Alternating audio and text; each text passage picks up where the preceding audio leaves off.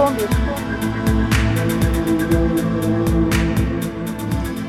Merhabalar. Ben İlk 11 programının sunucusu ve bu programdaki takımların teknik direktörü Ozan Yıldırım. Bu haftaki ikinci özel bölümümüz bu. Evet biraz abarttım farkındayım. Ama bu hafta Netflix Türkiye ilk filmi yayınladı. Yarına tek bilet. Benim yerim galiba. Buyurun siz. Ali ben bu arada.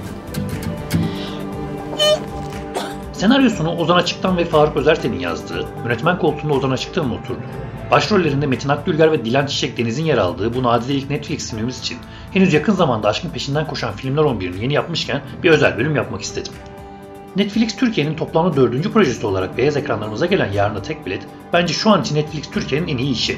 Türkiye'ye girdiklerinde güvenli bir liman olarak gördükleri kitap uyarlamaları yönteminin eleştirel bakımdan sanırım pek de iyi sonuçlar vermediğini ve özellikle Türkiye sinema ve dizi tarihinin fantastik edebiyata pek de yatkın olmadığını gören Netflix, üçüncü işlerinde biraz daha Türkiye gerçeklerine dönerek işi Ay Yapım gibi Türkiye'nin en başarılı dizi yapım şirketlerinden birine vermenin yanı sıra bu sefer senarist olarak Türkiye dizi tarihinde görece başarılı işlerden biri olan Yarı Aparma dizimiz ufak tefek cinayetlerin senaristi Meriç Aral'a emanet etmişlerdi ve Meriç Aral da Türkiye seyircisinin en sevdiği konulardan birini, aşkı, Türkiye'nin politize son günleri olan ve apolitik gençliğin habercisi yıllar olan 90'larla birleştirerek bence ortalamanın üstü bir aşk ve gençlik dizisi yarattı.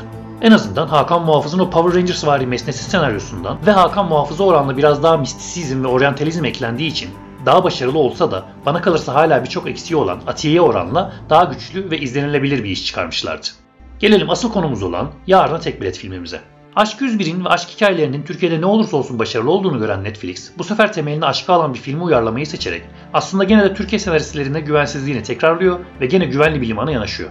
Yarına Tek Bilet filminin uyarlandığı orijinal film How to Stop Wedding ki bence ismiyle her şeyi özetliyor, Dragan Kulyani'nin yazıp yönettiği 2014 yapımı bir Polonya filmi. Varşova Film Festivali dahil birçok festivalden ödülle dönen filmin en büyük özelliği ise 22 sayfalık bir senaryo, 5 saatlik bir çekimle yarı yarıya doğaçlama bir film olması. Elbette ki bizim filmimiz olan Yarına Tek Bilet doğaçlama yapamıyor, zira hazır bir senaryoyu uyarlıyor. Orijinal filmin oldukça benzer bir senaryoya sahip olduğunu da belirtmek gerekiyor. Şimdi gelelim bu uyarlama filmimiz Yarına Tek Bilet'e.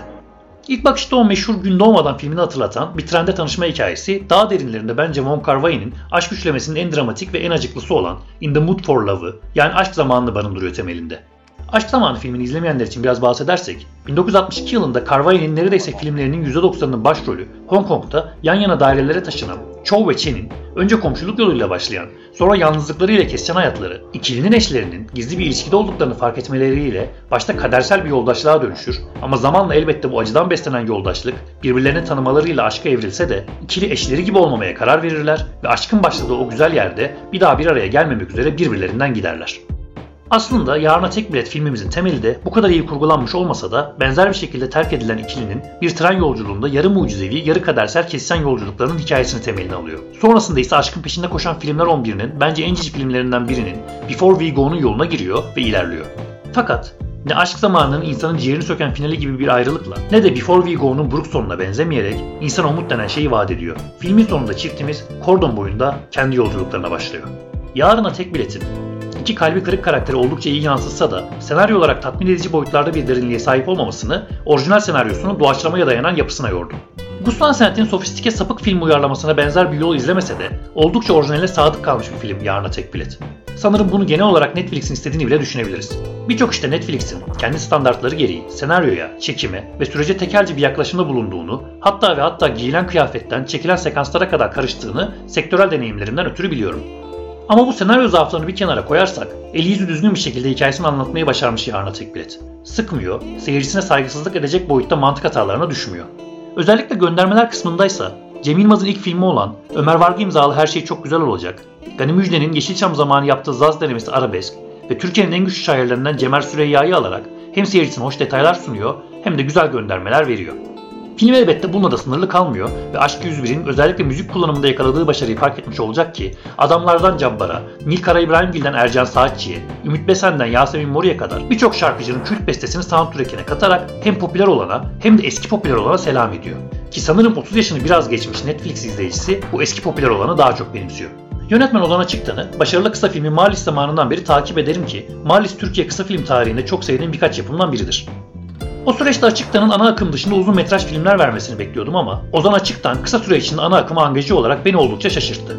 Fakat ana akım sinemanın en eli yüzü düzgün filmlerini yapması bence açıktan en azından bir adım öne çıkarıyor Türkiye sineması yeni dönem ana akım yönetmenleri arasında.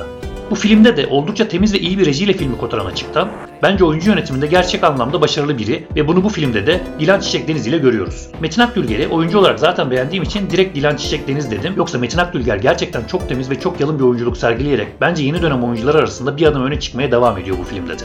Ama genel olarak daha önceki performanslarını pek beğenmediğim Dilan Çiçek Deniz bu filmde çok dozunda oynamış ve zaman zaman kopuşlar yaşamasını saymazsak oldukça iyi bir oyunculuk performansı sergilemiş. Filmin genel akışı elbette orijinal filmle paralel olsa da bence hem çekim tekniği hem kurgusu bakımından tatmin edici bir iş çıkmış ortaya. Yani kısacası Netflix Türkiye sanırım yaptığı yanlışlardan ders almaya ve belki hala istediğimiz seviyeye gelemese de gittikçe daha iyi işler üretmeyi sürdürüyor bana kalırsa.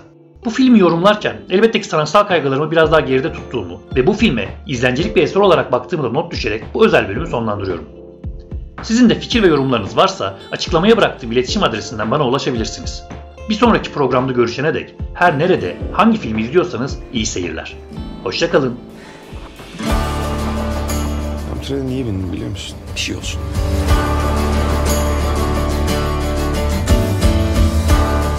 Biriyle bir yola çıktığında nereye varacağını tek başına karar veremezsin.